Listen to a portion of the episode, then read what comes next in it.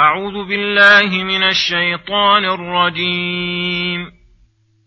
يا يحيى خذ الكتاب بقوة وآتيناه الحكم صبيا وحنانا من لدنا وزكاة وكان تقيا وبرا بوالديه ولم يكن جبارا عصيا وسلام عليه يوم ولد ويوم يموت ويوم يبعث حيا واذكر في الكتاب مريم إذ انتبذت من أهلها مكانا شرقيا فاتخذت من دونهم حجابا فأرسلنا إليها روحنا فتمثل لها بشرا سويا قالت إني أعوذ بالرحمن منك إن كنت تقيا. قال إنما أنا رسول ربك لأهب لك غلاما زكيا. قالت أنا يكون لي غلام ولم يمسسني بشر ولم أك بغيا. قال كذلك قال ربك هو علي هين ولنجعله آية للناس ورحمة منا وكان أمرا مقضيا. السلام عليكم ورحمة الله وبركاته. بسم الله الرحمن الرحيم. يقول الله سبحانه يا يحيى خذ الكتاب بقوة وآتيناه الحكم صبيا.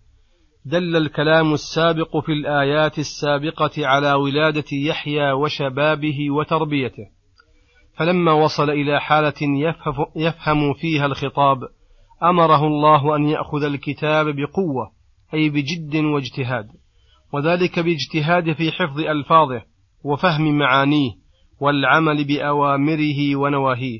هذا تمام أخذ الكتاب بقوة فامتثل أمر ربه. وأقبل على الكتاب على الكتاب فأخذه فحفظه وفهمه.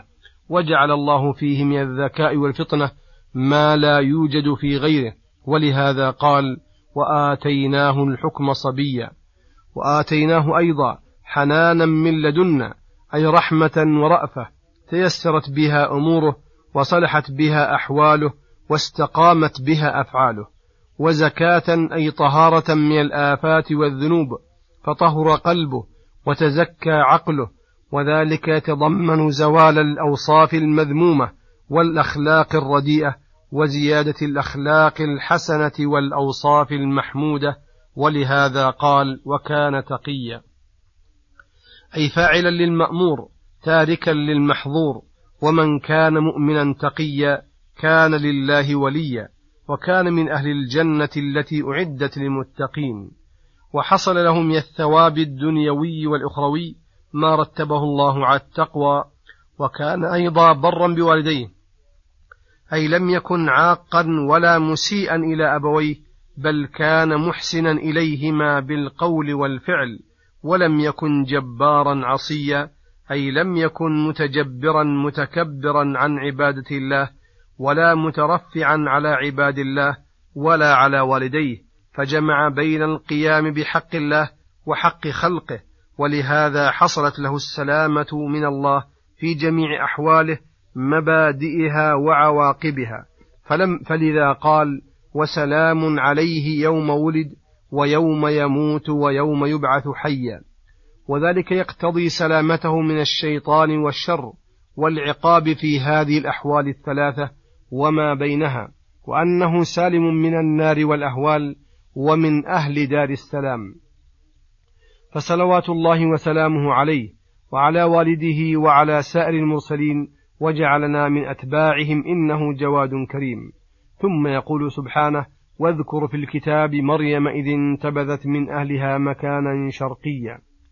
لما ذكر قصة زكريا ويحيى وكانت من الآيات العجيبة انتقل منها إلى ما هو أعجب منها تدريجا من الأدنى إلى الأعلى فقال واذكر في الكتاب الكريم مريم عليه السلام وهذا من أعظم فضائلها أن تذكر في الكتاب العظيم الذي يتلوه المسلمون في مشارق الأرض ومغاربها.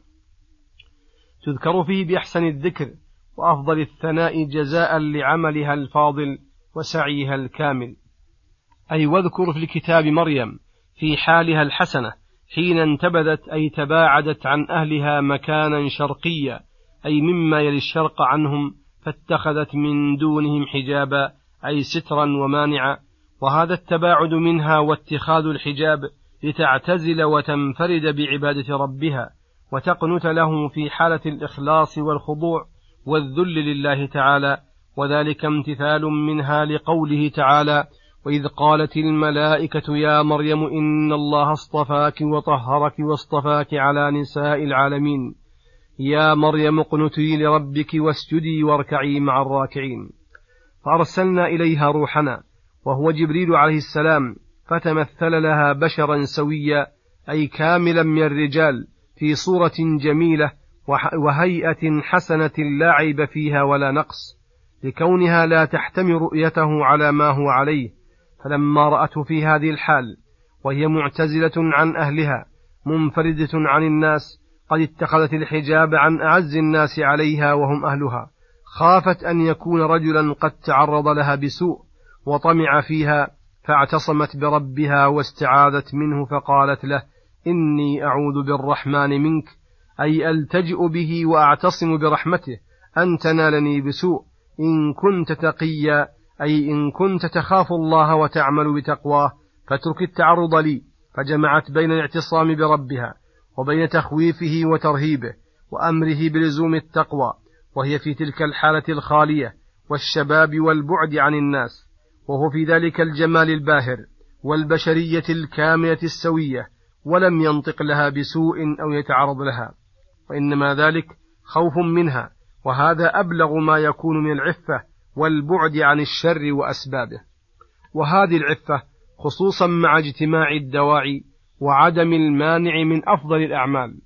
ولذلك أثنى الله عليها فقال ومريم ابنة عمران التي أحصنت فرجها فنفخنا فيه من روحنا وقال والتي أحصنت فرجها فنفخنا فيها من روحنا وجعلناها وابنها آية للعالمين فأعاضها الله بعفتها ولدا من آيات الله.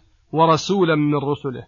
فلما رأى جبريل منها الروع والخيفة قال إنما أنا رسول ربك أي إنما وظيفتي وشغلي تنفيذ رسالة ربي فيك لأهب لك غلاما زكيا.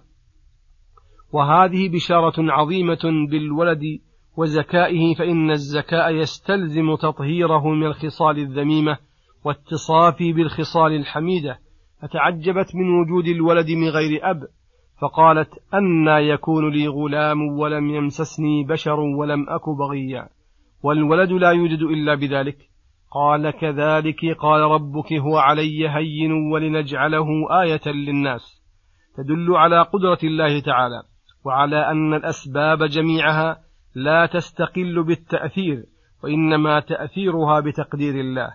فيري عباده خرق العوائد في بعض الأسباب العادية لئلا يقفوا مع الأسباب ويقطعوا النظر عن مقدرها ومسببها ورحمة منا ولنجعله رحمة منا به وبوالدته وبالناس. أما رحمة الله به فلما خصه الله به بوحيه ومن عليه بما من به على أولي العزم. وأما رحمته بوالدته فلما حصل لها من الفخر والثناء الحسن والمنافع العظيمة.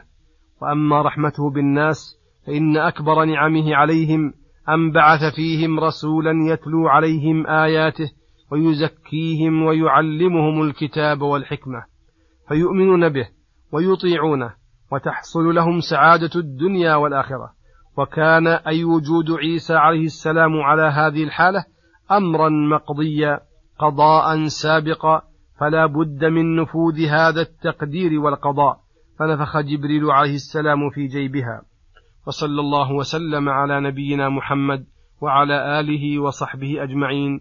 وإلى الحلقة القادمة غدا إن شاء الله. والسلام عليكم ورحمة الله وبركاته.